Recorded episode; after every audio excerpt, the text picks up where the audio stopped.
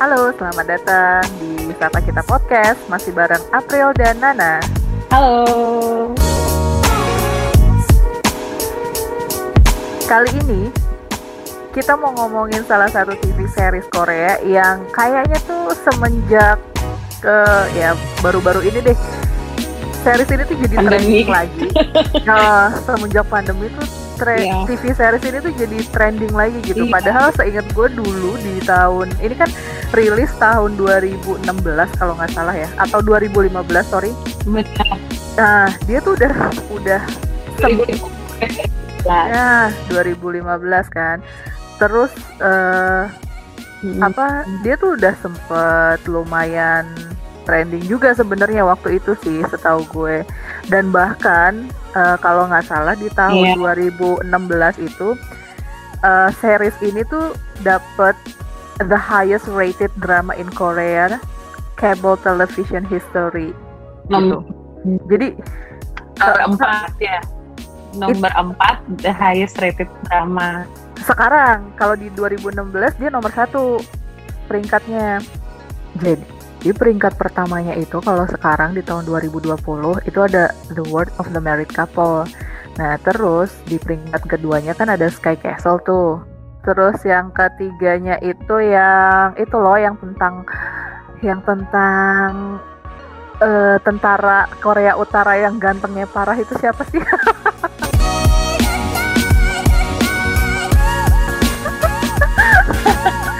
Ya itulah maaf ya teman-teman kita eh, gue tuh gue tuh pecinta film Korea drama Korea tapi gue nggak nggak gampang menghafal nama judul film bahkan iya bahkan si pemerannya aktornya atau aktrisnya gitu karena jujur untuk apa pronounce nama mereka aja tuh susah sih buat gue gitu.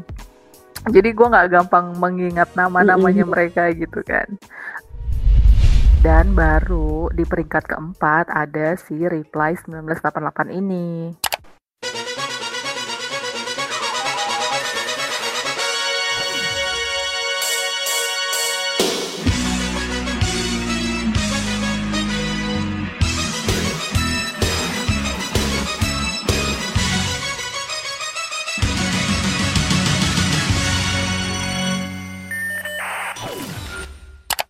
Nah, karena ini mulai trending lagi eh, series ini dan juga udah mulai banyak gitu eh, influencer maupun selebgram atau artis itu yang mulai eh, ngebahas lagi tentang film ini gitu kan di YouTube channelnya mereka Mhm. atau di Instagram apa pun itu gitu. Kita juga eh kebetulan mau ngebahas film ini, tapi apa nih Mbak Nana yang yang kira-kira bakalan kita bahas tentang film ini? Uh, gue sih sebenarnya uh, ikutan nonton juga tuh review-review orang tentang Reply 88 ini gitu ya. Jadi Hmm. waktu itu gue juga termasuk tuh yang baru nonton pas masa-masa lockdown pandemi kemarin gitu. Ya Oke. boleh dibilang kayaknya kalau menurut gue, kalau menurut gue karena drama ini ada di Netflix kan, itu sih salah satu apa namanya layanan TV yang berbayar itu. Nah, karena kemarin mungkin pas masa pandemi orang-orang lagi pada banyak waktu gitu buat Iya. nonton, jadinya ini mulai populer lagi. Ya, eh, kalau gue sih mulai nonton itu setelah masa apa namanya pas lagi masa-masa lockdown pandemi ini. Terus eh, yang gue tonton itu awalnya eh, sebelum gue nonton dramanya, gue nonton reviewnya dulu dari Dian Sastro yang waktu itu lagi diwawancara sama orang dari majalah Tempo. Nah, eh, ya kalau ya kalau gue lihat kalau dari reviewnya Dian Sastro tuh dia menekankan gimana sih eh, drama Reply 88 ini tuh sangat relate gitu sama Hmm. masa kecilnya dia yang eh, juga ya di tahun-tahun itu ya tahun 8 itu. Jadi menurut gue tuh mungkin sebenarnya banyak orang yang nonton ini tuh awalnya ekspektasinya untuk nostalgia gitu. loh. Jadi kayak pengen Iya. pengen apa sih istilahnya pengen mengingat-ingat lagi eh, kehidupan tahun 88 tuh kayak gimana yang nggak ada internet, nggak ada HP, terus Hmm. ada mainan apa kayak gitu loh. Terus kayak kehidupan yang menjadi menarik juga kan di Reply 88 ini diceritakan eh, lima tokoh utamanya itu adalah anak komplek gitu kan, yang tetanggaan, Iya. yang rumahnya de- dekat-dekatan satu jadi kayak ya uh, gimana interaksi mereka jadi menurut gue sih kayak waktu uh, dari reviewnya Dian Sastro atau mungkin juga kebanyakan orang tuh melihat dari sisi nostalgianya mm-hmm. jadi gimana film ini membuat kita bernostalgia sama masa-masa tahun 88 dan bagaimana itu kayak relate dengan kehidupan orang-orang yang masa kecilnya atau masa mudanya itu di tahun 88 itu. Hmm. Tapi sebenarnya kalau di podcast kita ini itu gue justru kayak pengen ngebahas kan yang kayaknya banyak yang ngebahas kisah hidup tokoh-tokoh utamanya kan si lima anak Iya. Gitu. Dan ya karena mereka cenderung juga cinta segitiganya si Emma leading role-nya cinta segitiga antara si Doksen sama si apa Jung Hwan sama si Taek yang pemain Go Play itu. Jadi menurut gue dramanya di situ namanya juga Korean drama ya jadi kayak ya di situlah uh, yang menurut gue tuh banyak screen time-nya. Tapi sebenarnya tuh gue pengen ngebahas aktor lain yang mungkin bukan aktor utama tapi kalau gue perhatiin tuh selama drama nih aktor-aktor ini tuh menarik gitu ceritanya. Dan sebenarnya relate juga istilahnya relate-nya itu bukan karena ini terjadi di tahun 88 tapi menurut gue relate-nya itu juga terjadi sampai sekarang gitu. Tokoh itu adalah uh, aktor ibu-ibu yang ada atau tokoh ibu-ibu yang ada di Reply 88. Menurut gue tuh kayak menarik nih kita bahas. Secara kita kan juga ibu-ibu ya, maksudnya ya kita kayak uh, apa ya punya punya mungkin kayak pengalaman-pengalaman gimana sih jadi seorang istri atau jadi seorang ibu atau juga jadi seorang tetangga gitu buat uh, apa namanya buat ibu-ibu yang lain jadi uh, menurut gue sih kayak uh, gue pengen ngebahas tentang ibu-ibu yang ada di Reply 88 ini. Oke. Okay. Nah, iya sih uh, di sini tuh ya menurut gue peran para ibu-ibu di sini emang sih cuma sebagai kayak uh, pemeran apa istilahnya pemeran pembantu ya. Cuma tuh pendamping. Uh, uh, gitu. Tapi uh, menurut gue karakternya mereka hampir semua sih sebenarnya karakter di film ini tuh cukup kuat ya. Jadi sampai sampai uh, bahkan yeah. yang bukan tokoh utama pun itu juga uh, apa ya cukup mengambil perhatian sih gitu. Dan terutama ya ini para tiga ibu ini gitu kan. Dengan dengan background yang berbeda-beda dengan uh, apa ya ya pokoknya dengan background mereka yang berbeda terus juga cara mereka untuk mendidik juga membesarkan anak-anaknya mereka dengan cara yang berbeda itu menurut gue cukup menarik sih. Karena ya kita sebagai uh, apa sih calon ibu apalagi banana ya kan yang udah punya anak gitu jadi kan pasti kayak hmm. banyak apa ya banyak momen dan juga banyak uh, hal tuh yang relate juga ya nggak sih dengan kehidupan kita berkeluarga gitu. Nah terus tadi kalau misalnya ngomongin iya. yang nostalgia juga ya mbak, gue tuh inget banget dulu zamannya gue kecil nih.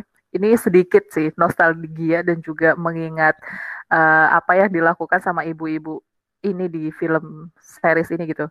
Kan mereka tuh juga terbiasa ya kayak memberikan makanan satu sama lain, ya kan? Nah Mm-mm. Itu tuh terjadi juga waktu gue kecil. Jadi uh, dulu tuh rumah gue yang di Jakarta itu kan ada ada apa sih kayak ada tingkatnya gitu kan. Nah, tapi tuh uh, jadi langsung ke tem tembok rumah gue sama tembok tetangga itu tuh emang mepet gitu ngerti nggak loh?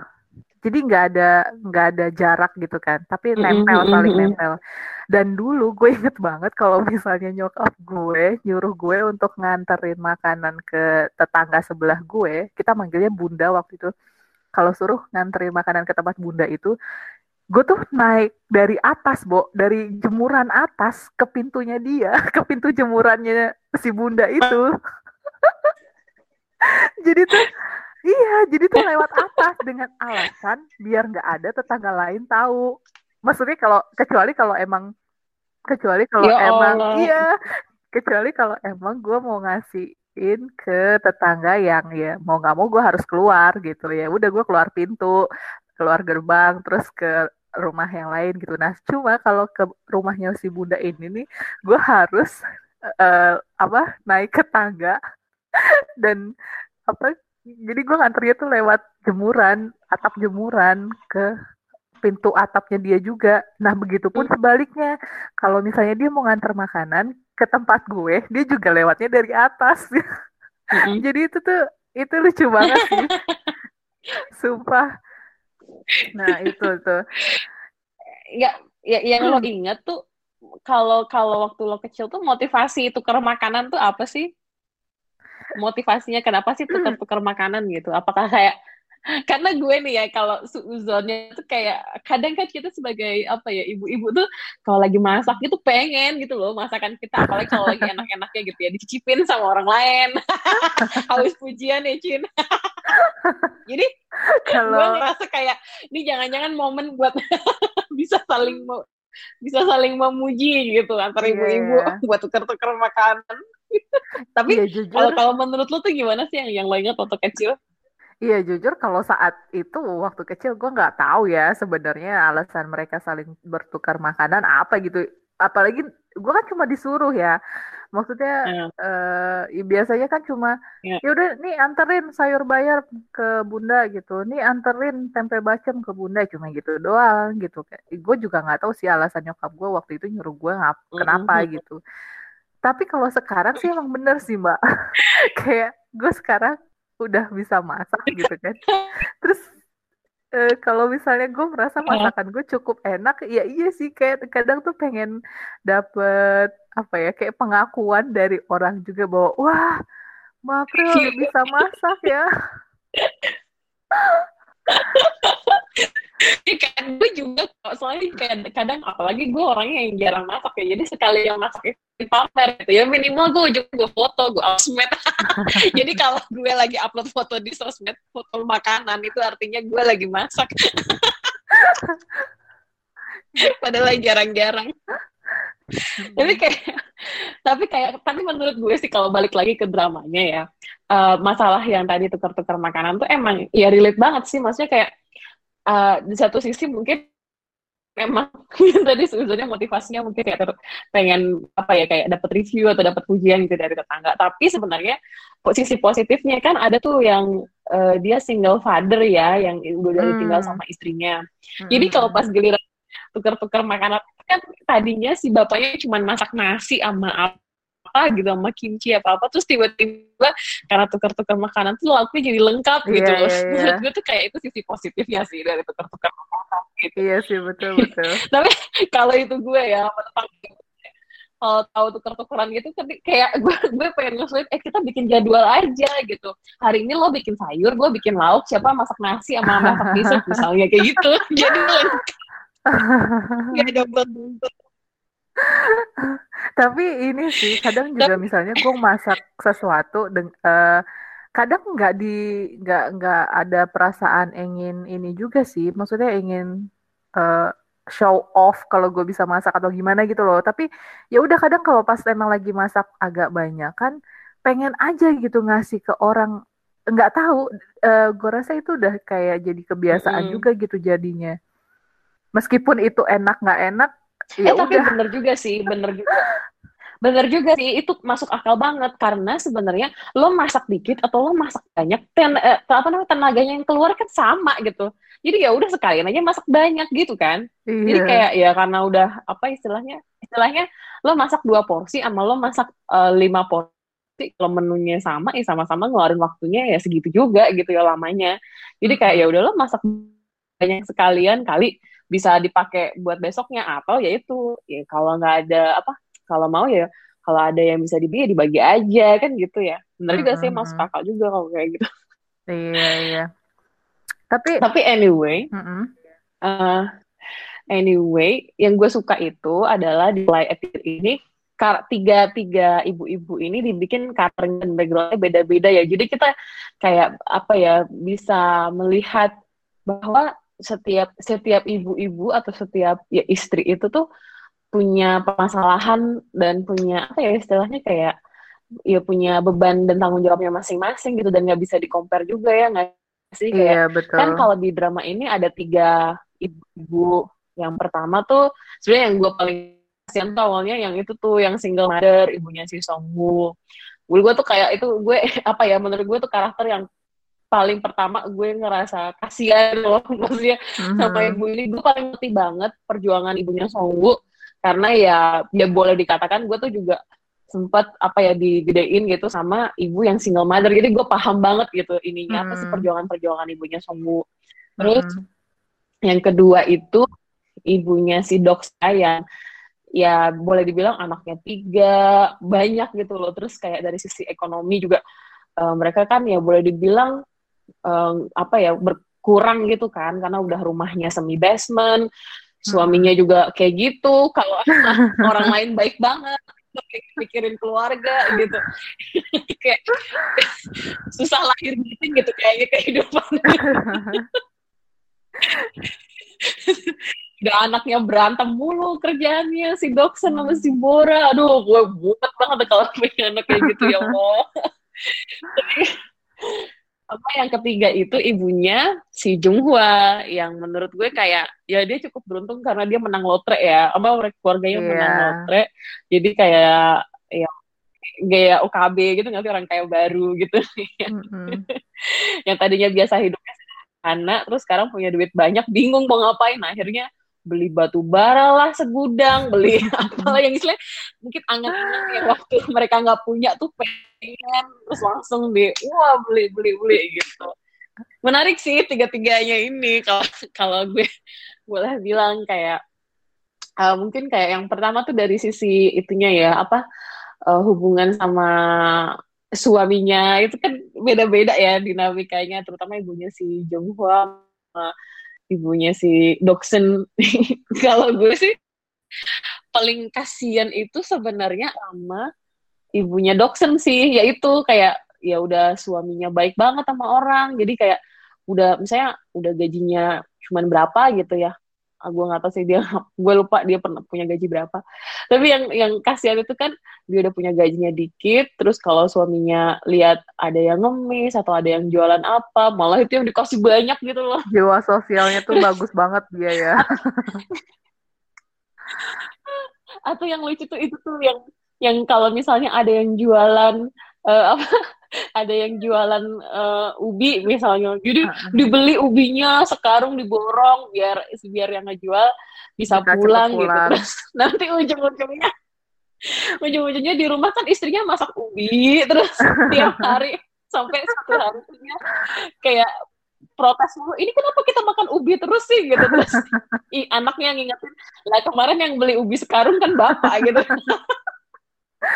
Tapi iya sih, gue juga kalau misalnya jadi istrinya dia ya, gue juga bakalan kayak, uh. ya oke, okay, maksudnya ya udah lu nggak apa-apa sih berniat baik gitu, bersedekah nggak apa-apa, cuma ya nggak kelewatan juga beli istilahnya beli ubi iya kan? berkilo-kilo gitu kan, terus ya siapa sih yang nggak bosan ya kalau misalnya kita makan ubi seminggu straight gitu kan, maksudnya dalam tujuh hari seminggu makan ubi terus kan ya bosan banget gitu ya iya sih gue yeah. juga iya. bakalan marah-marah pastinya bawanya uring-uringan terus ya kalau ngelihat posisinya si ibunya Duksun ini emang cukup complicated ya di satu sisi dia punya masalah uh, apa masalah ekonomi gitu kan karena penghasilan suaminya yang nggak terlalu besar dan juga suaminya yang apa ya yang jiwa sosialnya itu tinggi banget gitu kayak tadi. Terus di sisi lain dia punya anak-anak tiga anak dengan karakter yang berbeda-beda gitu kan. Dan di sini tuh gue emang ngerasanya kayak apa ya sikapnya si ibunya Doksun tuh juga terlalu lemah sih menurut gue sebagai istri dan juga sebagai ibu ya. Kalau menurut gue dia harusnya lebih dia harusnya bisa lebih komunikasi sama suaminya gitu tentang masalah uh, ya semua deh perasaannya dia yang dia alami gitu kegundahannya dia kegelisahannya dia. Itu tuh harus selalu dikomunikasiin sih sama suaminya gitu. Terus juga sama anaknya tuh gue rasa dia juga harus karena ini sih ya kasihan juga gitu. Gue kadang kalau ngeliat si Duksun mereka misalnya dapat ayam gitu kan dari tetangganya dapat ayam terus nanti pahanya dikasih ke kakaknya yang nomor satu sama adiknya yang paling bungsu gitu. Sedangkan si Duksun cuma dikasih uh, sayap gitu kan dan dia tuh nggak pernah di dia juga nggak pernah diperlakukan spesial gitu loh. Jadi uh, justru mereka berharap bahwa si Duksun ini bisa memahami kondisi keluarganya, bisa mengerti gitu. Dipaksa harus mengerti, harus memahami. Padahal kan harusnya nggak nggak selalu dia yang harus memahami kondisinya juga gitu kan. Itu sih yang gue yang gue menyayangkan aja hmm, sikapnya dia. Kadang sikapnya dia sebagai orang tua juga kadang nggak bisa ini ya terlalu gimana ya? Gue nggak bisa bilang itu pilih kasih, tapi ya ya itu pilih kasih juga ngerti kalau jadi ya harusnya dia bisa lebih kalau menurut gue hmm, gimana? lebih ini ya apa ngambil peran. Kalau menurut gue sih uh, ya gue apa namanya gue ngelihat ibunya Dokson ini tuh karakternya uh, apa sih ngalahan nggak mau konflik gitu loh nggak mau ribut gitu. Kan kalau kalau anak-anak yang pada berantem si Bora sama Dokson kan dia pernah marahin anak-anaknya buat ngasih tahu kayak ya lu sebagai saudara tuh jangan berantem kayak nyalahin siapa nih yang salah. Harusnya kan gak gitu tapi kayak lebih ke udah dong udah nggak usah marah-marah itu ngerti gak sih? Kayak hmm. atau kalau misalnya kan pernah si Doksen eh, jam jaket kakaknya padahal ibunya tahu kalau kakaknya bakal marah gitu. Tapi kayak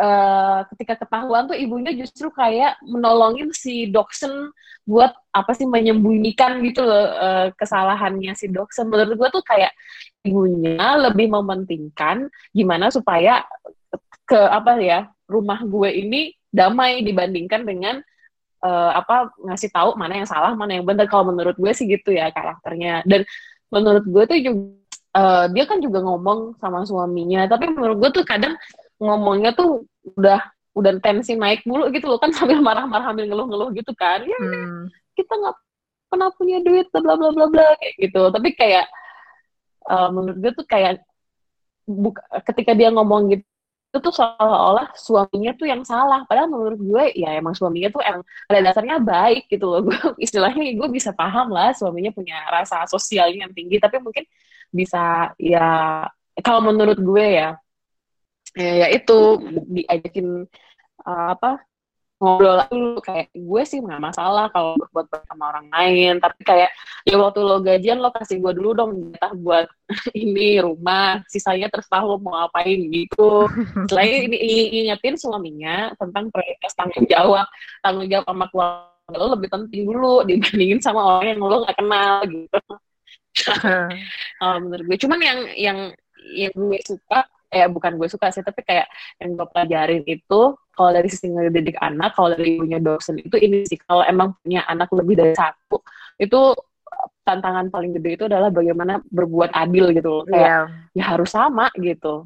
Iya yeah, betul. nggak ada supaya kan menurut gue tuh yang yang menarik banget yang penting banget itu setiap anak tuh punya karakter masing-masing setiap anak tuh punya jiwa apa ya punya psikologinya masing-masing gitu loh. Nggak kalau kamu memaksakan versi apa idealmu terhadap anak-anakmu kan dia uh, apa ibunya tuh selalu bilang bu kamu tuh kayak kakakmu yang rajin yang pinter jadinya udah masuk universitas jadi tuh kayak seolah-olah si Bora itu atau si anak nomor satu itu kayak jadi standar gitu loh dan yeah. adik-adiknya kalau nggak bisa kayak kakaknya lo nggak bisa jadi anak yang baik gitu ngerti gak sih? Padahal ya si Doksen dia punya uh, talent sendiri gitu kan. Yeah, yeah. kenapa menghela nafas gitu? Iya em emang sih itu kebanyakan yang dirasakan oleh uh, anak nomor satu. Lo, lo sendiri lo sendiri ngerasain nggak? Hmm. maksudnya karena gue karena Iya, gue di keluarga gue pun seperti itu sebenarnya. Jadi gue terbiasa di uh, akhirnya dibanding-bandingkan kan dengan adik-adik gue gitu. Sama adik-adik gue juga kayak dipaksa untuk mengikuti standarnya gue, hmm. padahal ya itu balik lagi kan, mereka juga uh, mereka juga unik dengan caranya mereka masing-masing. Gue juga unik dengan caranya gue sendiri gitu kan. Dan itu sih ya, maksudnya gue pun gue hmm. sendiri juga sering sih di, dibanding-bandingkan misalkan dengan siapa gitu, dengan anak orang lain kah, dengan anaknya uh, keluarga lain kayak gitu kan. Itu emang pak apa mo, uh, momen yang nggak enak banget. Cuma kalau misalnya kita ngelihat dari kondisinya si Bora ya, gue bisa cukup mengerti sih kenapa dia hmm. bersikap uh, uh, kayak gitu lebih cenderung banyak egoisnya ya kalau dia karena sebenarnya menurut mm -hmm. gue dia mm. sendiri tuh juga menyadari bahwa kondisi keluarganya itu tidak di, di kondisi yang cukup bagus secara ekonomi gitu kan dan dia juga menyadari bahwa mm -hmm. keluarganya itu hanya bisa mengandalkan dirinya untuk katakanlah ya untuk menaikkan derajat keluarganya lah atau bikin keluarganya uh, paling tidak berada di kondisi yang lebih baik gitu loh daripada sekarang gitu. Makanya kenapa dia belajar lebih keras, dia bekerja lebih keras ya kan dibandingkan adik-adiknya yang lain gitu. Makanya dia juga terkesan lebih keras sama adik-adiknya gitu, terkesan uh, apa istilahnya uh, galak dan cuek sama atau nggak sopan sama orang tuanya gitu karena dia dia juga merasa bahwa ya apa uh, kalian tuh butuh gue buat ngebantuin kali uh, buat ngebantuin ekonomi kalian gitu. Kasarnya tuh kayak gitu. Kan se apa ya. si bapaknya juga kan akhirnya dia pu akan punya hutang gitu kan hutang besar. Dan ya yang bisa membantu adalah si Bora akhirnya anaknya yang akan menjadi uh, apa istilahnya yang akan membantu untuk menyelesaikan hutang-hutang orang tuanya kan. Makanya ekonomi, ekonomi keluarga. keluarganya gitu nah hmm. makanya gue bisa cukup mengerti sih kenapa si Bora jadinya bersikap kayak gitu gitu nah tapi ya itu ya balik lagi sih gue rasa emang harus ada komunikasi dari orang tuanya sih maksudnya uh, apa ya itu sih jadi itu juga jadi bikin gue belajar sih karena suatu saat kalau misalnya gue punya anak dan gue beranjak eh anak gue beranjak dewasa dan gue suami juga ber, apa semakin tua gitu. Gue juga berharap tuh tidak mau membebani masalah ekonomi terutama ya kayak gitu ya. Gue punya hutang lah gue punya apa gitu. Gue nggak mau itu membebani anak-anak gue suatu saat gitu kan. Karena gue juga nggak mau mereka tumbuh itu untuk apa ya istilahnya untuk ngebayarin hutang-hutang gue di masa tua lah atau gitu ya maksudnya kayak iya. Uh, uh, uh, uh, jadi ya ya menurut gue tuh kayak semua orang tua mungkin juga wajarnya emang pengen uh, apa ya uh, kehidupan anaknya lebih baik dari kehidupan dia gitu kan. Terus kayak ya nggak nggak memungkiri memang memang mungkin ada beberapa orang tua tuh yang ekspektasinya lebih gitu loh ke anaknya. Istilahnya ya itu tadi bisa ngebantu perekonomian keluarga. Jadi tuh kayak seolah kalau lagi dari kasusnya Bora tuh dia jadi pilu dari kecil. Oh paling pintar anggaplah kayak gitu mm-hmm. jadi kayak ini udah yang jadi tumpuan keluarga. Apalagi kalau ngelihat dari cara bapaknya ngomong ah, ngomongin ke Bora itu kan ini banget kan. Ini lihat dong kamu yang paling pinter yang paling bisa masuk universitas les macam jadi kesannya tuh wah, jadi dua arah gitu loh buat adik-adiknya ngerasa kayak terusnya saya kakaknya terus buat kakaknya ngerasa jadi beban gitu gak sih kayak iya. oh gue harus tetap pinter nih karena sekalinya gue bodoh sekalinya gue gagal itu kayak bisa bikin malu keluarga gitu loh jadi mm -hmm. ya ya itu menurut gue kayak jadi pelajaran sih nonton itu ya maksudnya dari dari dinamika keluarganya si Busen ini gitu ngeliat dari sisi ibunya juga gitu walaupun tuh sebenarnya gue tetap jatuhnya suka juga ngeliat persaudaraannya si Bora sama Doksen yang berantem mulu tapi sebenarnya tuh mereka care gitu loh yeah, saling, saling peduli, peduli. sebenarnya gitu dengan ya menurut gue kebayang kalau udah pada nikah gitu nanti terus gue pada ketemuan itu kan jadi itu yang jadi bahan ini kan bahan bercandaan bahan ceng-cengan. Inget gak dulu suka nyolong-nyolong kosmetik gue ya lo nyolong-nyolong baju gue lo yang suka nyolong. Ini kayak apa ya hangat aja gitu hubungan persaudaraannya menurut gue yeah, agak iya. berbeda yeah. dengan hubungannya si Junghuan Junghuan sama ibunya ibunya Junghuan karena menurut gue justru kalau di drama itu kan si ibunya Jung Hwan ini di apa ya dibikin karakternya tuh yang kayak bisa ngobrol sama anak-anak gitu gak sih? Gue inget banget tuh yang waktu uh, si Jung Hwan dibeli berantem terus sepatunya diambilin sama temennya gitu.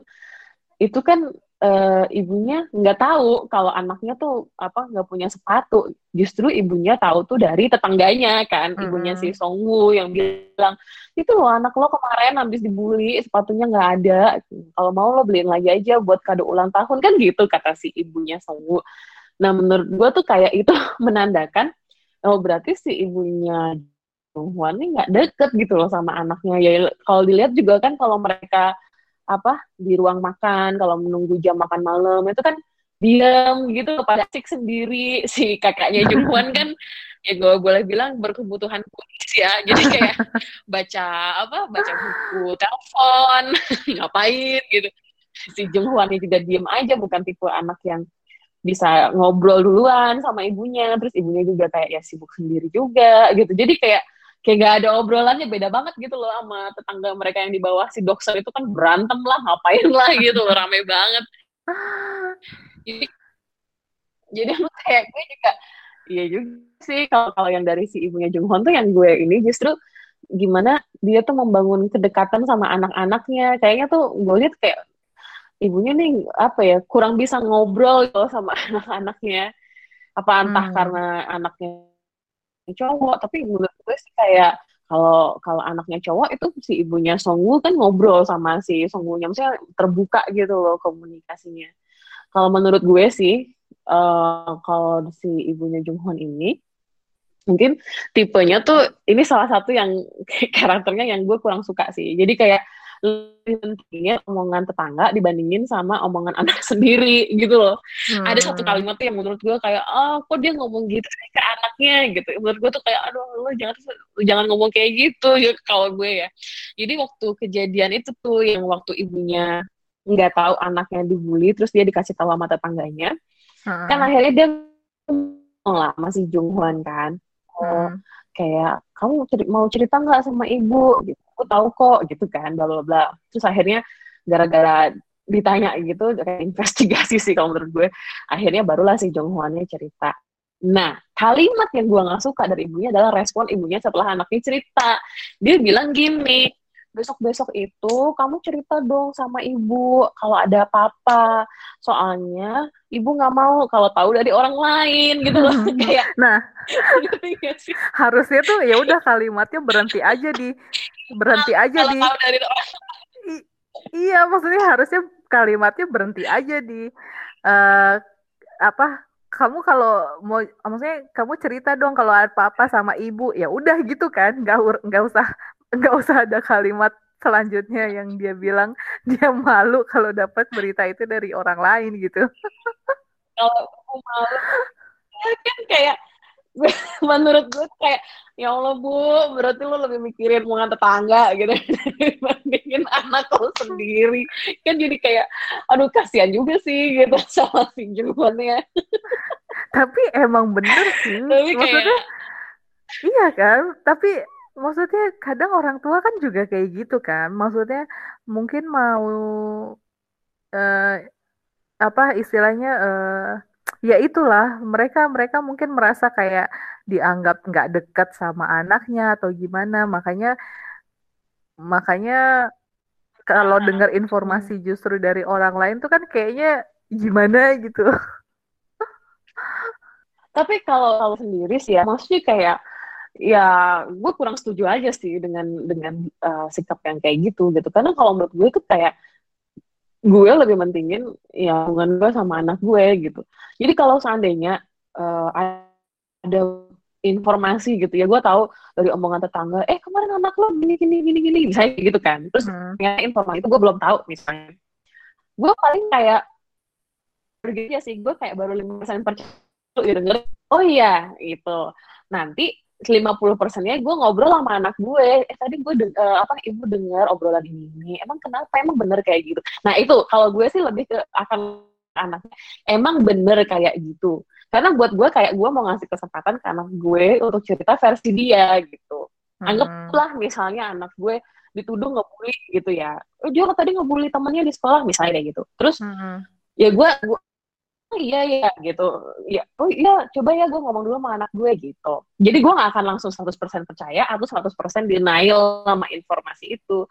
Nah abis itu gue barulah ngomong sama anak gue dan yang lebih gue pentingin itu justru gue pengen tahu versi anak gue gitu. Emang apa tuh yang terjadi itu loh. Jadi hmm. buat gue tuh kayak ya kalau kalau emang nanti ternyata istilahnya uh, apa ya anak gue yang bener ngebully gitu ya. Hmm. ya aku gue dia mau itu ya ngobrol ngasih tahu itu salah harusnya benernya gini gini gini tapi kayak kalau ternyata dia enggak ya ya menurut gue kayak ya gue akan percaya versi lo gitu loh. Karena itu dari karena istilahnya gue tuh orang tua lo gitu lo bisa percaya apa pun sama gue gue juga percaya percaya penuh sama lo kayak gitu loh. Jadi hmm. menurut gue sih gue lebih milih gitu ngebangun rasa kepercayaan itu sama anak gue dibandingin ngebangun apa enaknya yang di, harusnya diomongin sama tetangga atau anggapan orang terhadap anak gue gimana atau anggapan orang terhadap gue itu kayak gimana. Itu itu menurut gue sih. Makanya ketika ada adegan si ibu Junghuan kayak gitu tuh gue kayak emosi aja gimana sih si ibu ini? Gitu. Ngomongnya gitu banget. Besok besok ngomong dong sama ibu biar sama tetangga. Set tapi gini ya, kalau misalnya dari perspektifnya si anak ya, kalau menurut gue pribadi, itu emang kadang tuh nggak semua informasi kita bisa kita bisa kasih tahu ke orang tua kita gitu kan. Nah, mungkin kayak si Jung Hwan ini saat itu hmm. dia nggak, maksudnya dia bukan tipikal yang emang cerita semuanya ke uh, orang tuanya, ke ibunya terutama, karena emang dia bukan tipikal yang yang kayak gitu, bukan tipikal yang emang suka cerita, eh bu, tahu nggak tadi aku gini gini gini gini. Mung, nah alasannya bisa jadi karena dia nggak mau orang tuanya tambah khawatir kalau tahu uh, dia dibully sama teman-temannya, bahkan sampai uh, barangnya dia di uh, uh, diambil gitu kan sama teman-temannya. Itu satu. Kedua, yang nggak nyaman aja gitu karena mereka mungkin emang dari awal mereka kan nggak punya hubungan yang senyaman itu untuk berkomunikasi ya kan nah mm-mm. gitu sih iya. kalau gue pribadi juga kadang gue nggak bisa me gue nggak bisa ngomong semuanya tentang semua hal sama orang tua gue gitu bahkan kadang ada beberapa hal yang gue bakalan yeah. lebih nyaman ngomong sama teman gue sendiri atau sama suami gue sendiri gitu atau sama adik gue sendiri gitu kan mm -mm. ya makanya menurut gue tuh kayak uh, lebih lebih mending punya rasa percaya gitu dibanding orang tua sama anak. Dibandingin harus cerita semua gitu. Ngerti gak sih? Hmm. kayak ya apa? Ya kayak itu. Jadi uh, lo nggak harus cerita semuanya ke gue nggak apa-apa. Istilahnya gue akan tetap percaya sama lo gitu. Intinya kayak kalau lo butuh orang yang bisa dipercaya untuk cerita ya datanglah ke orang tua gitu. Ngerti gak sih? Hmm. gue le gue lebih pengen tuh ngebangun itunya gitu. Hmm. bukan kayak lo datang lo cerita dong sama gue supaya gue nggak malu. Ya itu lebih ini aja sih. Kayak lebih kayak ngelempar tanggung jawab ke anak gitu loh untuk cita orang tua yang baik. Jahat banget ngomongnya. Iya iya tapi itu itu yang gue tangkep ya. Hmm. nah kalau misalnya kita ngelihat kondisinya si ibunya si Sunwoo kan ya uh, ya kalau Sunwoo gue gue mungkin bisa mengertinya karena gini dia satu-satunya pria yang ada di rumah itu gitu kan. Dia tahu kondisi maksudnya dia tahu bahwa mm-hmm. ibunya juga cukup kesepian gitu kan dengan kesendiriannya dan dia cuma ada adiknya di rumah doang gitu. Jadi ngobrolnya cuma sama tetangga depan mm -hmm, rumah lah, sebelah rumah kayak gitu kan ya. Makanya gue makanya uh, akhirnya dia kayak ngerasa punya tanggung jawab untuk bikin ibunya juga lebih apa ya le, uh, le, merasa lebih di diperhatikan gitu, merasa ada yang apa istilahnya mm-hmm. ya kan ada yang ngasih perhatian ada yang ngajak ngobrol gitu karena dia dia tahu bahwa ibunya juga butuh orang untuk ngobrol ya karena karena dia dia single mother kan ya dan si Sun mm-hmm. itu juga seorang anak lelaki gitu jadi gue rasa makanya dia lebih peka kan akhirnya uh, sama ibunya gitu makanya dia bisa cerita mm-hmm. apa pun gitu ke ibunya tapi emang menurut gue tuh kayak emang selalu sebab akibat sih. Kalau kalau menurut gue ya ini teori gue doang sih soalnya tapi kayak kenapa sih Songwoo itu bisa jadi anak yang kayak gitu gitu ya? Karena menurut gue tuh juga ibunya itu perhatian sama anaknya gitu loh. Istilahnya hmm. gampang gampangnya emang dia kan nggak jago masak ya. Kalau masak telur dadar aja keasinan hmm. ada kulit telurnya masih di telur dadar kan gitu. Itu nggak pernah lupa buat kayak dia tuh selalu mikirin anaknya gitu loh pernah lupa bikinin makan siang. Kalau anaknya pulang sore dia bikinin makan malam sekalian gitu loh. Yeah. bentuk perhatiannya tuh selalu ada yang kecil gitu. Terus kayak kalau anaknya belum pulang dia juga tidur dia tungguin terus anaknya.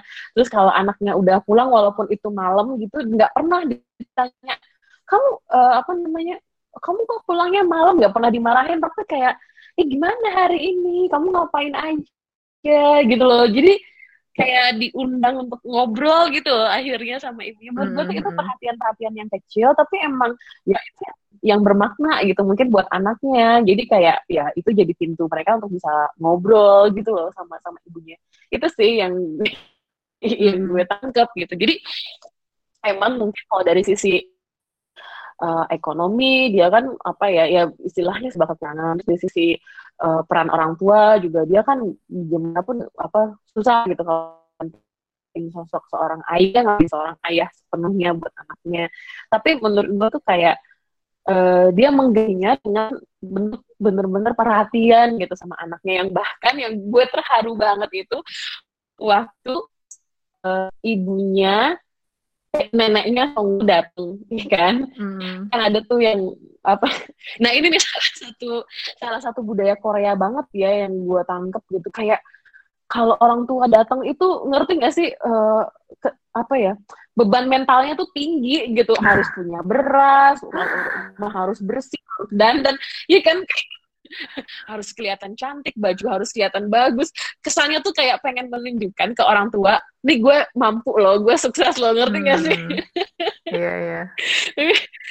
Tapi itu kayak yang yang tapi gue yang bikin gue terharu kan ya ibunya sendiri tuh juga lo mau bohong sebagaimanapun gue tahu yang yang aslinya lo seperti apa dan ibunya tetap ngasih uang ya ke ke si ibunya Songhu itu tapi yang gue terharu itu adalah ibunya eh neneknya itu tahu si ibu ibunya Songwu itu cuman pura-pura kaya atau pura-pura cukup itu dari jemurannya doang kan dilihat jemurannya tuh kayak ya bajunya robek-robek, kaos kakinya bolong-bolong, sementara baju anaknya bagus. Jadi malah gue tuh ya itu tuh pengorbanan ibu tuh kayak gitu. Jadi lebih sayang sama anak-anak sampai kadang-kadang tuh lupa gitu sama sama dirinya sendiri. Ya baju udah robek-robek masih dipakai kayak gitu pas lagi udah bolong masih dipakai kayak gitu itu menurut gue tuh kayak itu tuh yang apa ya yang gue salut gitu ya dari ibunya si Songwoo ini Hmm. Ad, tapi ada juga tuh momen yang bikin sedih juga itu waktu eh banyak sih ya ibunya Song ini yang paling kasihan sebenarnya.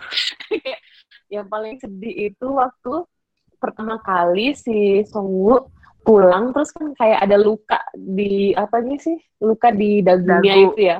Ibunya kan emang agak lebay sih ya uh, uh, ibunya apa ibunya si Song kan agak lebay kan langsung nangis terus kamu berantem ya kamu ini kamu itu ya gitu. Terus mau cerita kamu kenapa nggak mau cerita sama ibu? Akhirnya karena didorong-dorong gitu cerita kamu kalau itu adalah luka karena dia pertama kali shaving dan dia nggak mau cerita sama ibunya maksudnya supaya ibunya tuh nggak kepikiran gitu kan. Ya gue paham banget lah kayak gitu apa ya. Karena ya gue ngerasa gue juga tumbuh tuh kayak gitu yang istilahnya bok apa nyokap gue tuh selalu pengen bisa menggantikan posisi bokap juga gitu loh. Waktu itu gue di, kayak dipaksa belajar nyetir misalnya. Hmm. menurut gue tuh kayak mau bagaimanapun usaha keras seorang ibu emang ada beberapa emang ada ada aja sih bisa diajarin seorang ibu kepada anaknya. Kalau kasusnya si Songmu itu, ya seorang ibu nggak bisa ngajarin shaving ya, karena ibunya nggak punya jenggot gitu. Yeah. Simple as that gitu sebenarnya. Tapi buat ibunya Songmu tuh itu kayak menunjukkan gue gak mampu ya, ngerti gak sih kayak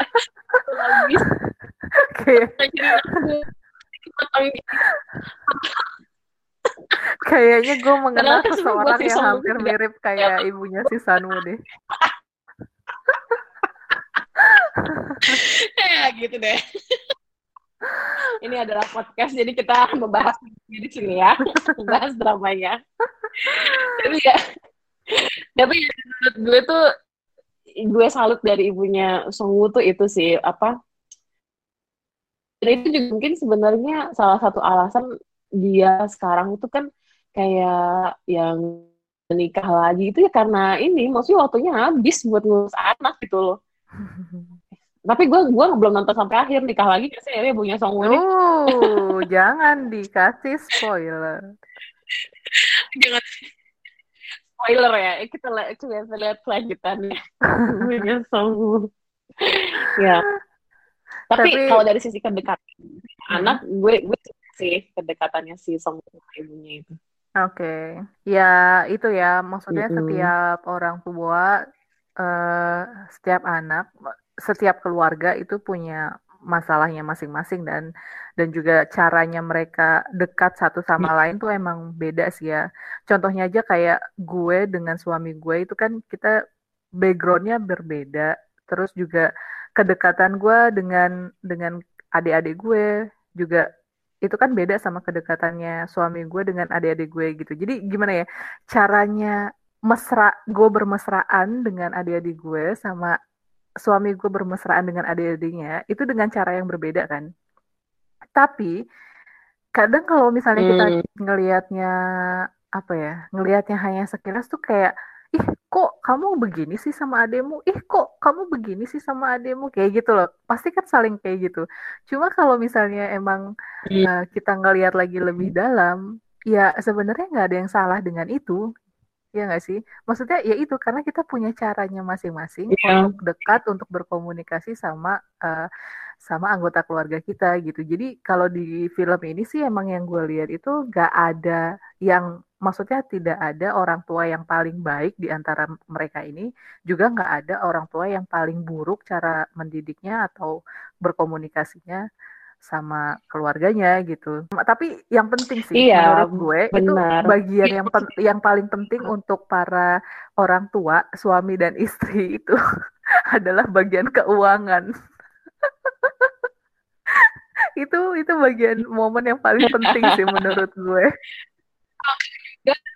itu tapi ya juga sih tapi kayak itu ibunya si apa ibunya si Jung Hwan mau udah punya duit jutaan juga masih berantem mulu sama suaminya Loh, iya, makanya aja. karena itu dia karena kan dia nggak bisa mengkomunikasikan masalah ekonominya sama iya. suaminya ya kan sebenarnya juga mereka akan akan sedikit konflik kalau misalnya si katakanlah nih suaminya ya dikasih duit ya kan?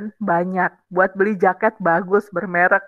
Dia belinya yang yang abal-abal gitu. Maksudnya sebenarnya kan mudah banget gitu buat suaminya si uh, ibunya Jung Hwan ini. Gue juga baru ini sih ya. Maksudnya gue dan suami gue juga juga baru belajar lagi gitu kan masalah komunikasi tentang segala hal gitu. Nggak cuma masalah duit juga tapi banyak hal gitu kan yang yang emang uh, menurut gue tuh kalau komunikasi tuh ya emang harus selalu di apa ya diperbaiki caranya kita berkomunikasi satu sama lain gitu untuk iya. menghindari yeah. konflik yeah. ke depannya. Mm -hmm. Ya, ya, eh, ya itu katanya sih kalau istilahnya komunikasi udah berjalan baik itu nggak perlu ngomong aja udah saling ngerti cewek. Yeah. udah pakai kedip-kedip mata doang.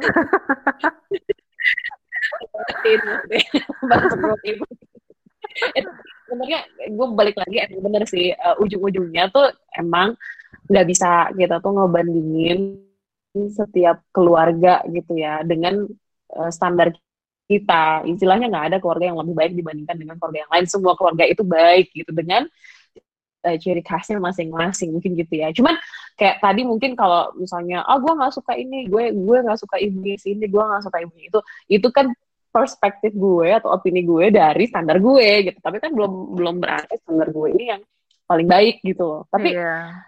Iya. uh, yang gue suka uh, yang gue suka dari tiga ibu-ibu ini adalah persahabatan mereka gitu loh. Menurut gue tuh kayak hmm. momen-momen mereka nongkrong depan rumah, yeah, minum ya minum sambil sambil masak-masak. itu tuh kayak jadi kayak momen ngerumpi. Jadi terus ngerumpi kayak kita yang kayak kita lakukan ini cuman kayak kita kan ngerumpinya virtual gitu ya lo lagi goreng telur atau lagi bikin rendang gitu lagi ngapain di sini gitu tapi menurut gue tuh itu sih yang yang yang apa ya gue gue secara pribadi tuh kayak wah iri gitu sama ibu-ibu bertiga ini. Kayak setiap hari punya waktu banyak untuk ngerumpi ngerti gak sih? Dan mm -hmm. dari rumpian itu tuh kita jadi apa mereka bisa jadi saling tahu kehidupan masing-masing. Dan gak cuma saling tahu akhirnya saling peduli gitu. Kayak iya, si betul. ibunya doksen uh, butuh duit buat anaknya gitu. Tanpa apa terus tanpa diminta pun akhirnya ibunya Junghuan ngasih dan cara ngasihnya tuh cara yang paling halus gitu loh nggak langsung iya. nih gue kasih lo buat biaya apa gitu. Nggak kayak tapi kayak eh ini tadi gue ada ubi tambahan atau apa gitu. Nih ya gue kasih. Ternyata diselipin amplop di dalamnya. Menurut gue tuh kayak wah itu bentuk-bentuk apa ya bahasa-bahasa yang ya kayak gitu bahasa-bahasa apa ya persahabatan yang menurut gue tuh kayak makanya menurut gue tuh kayak harusnya bintang utamanya ibu-ibu di reply delapan delapan kan si lima itu dicari duit aja belum tahu sekarang ngurus suami belum tahu sekarang ngurus anak belum tahu udah jadi bintang utama Hei, Anda kok julid? ya intinya kan ceritanya gue pengen promosiin nih harusnya jadi apa jadi perhatiannya ibu-ibu nih karena ibu-ibu itu memegang banyak peran gitu. Kayaknya juga udah banyak yang nonton ya tapi buat yang dengar podcast kita kayak kalau kalian ada apa ya obrol uh, apa kalian ada opini yang lain misalnya justru kalian menganggap harusnya bapak-bapak yang jadi bintang utama? Kan boleh share opininya di email kita sapa kita podcast at gmail.com nanti siapa tahu gitu kan ada yang punya opini menarik juga nanti kita bisa bahas lagi Oke, okay. sekian dulu okay. dari kita Kayaknya semua. segitu dulu ya udah. Ya. ya. Oke. Okay. Semoga cukup meyakinkan bahwa harusnya pemeran utama Reply It itu adalah ibu-ibu, hidup ibu-ibu. Oke, okay, bye. Yeah, bye-bye.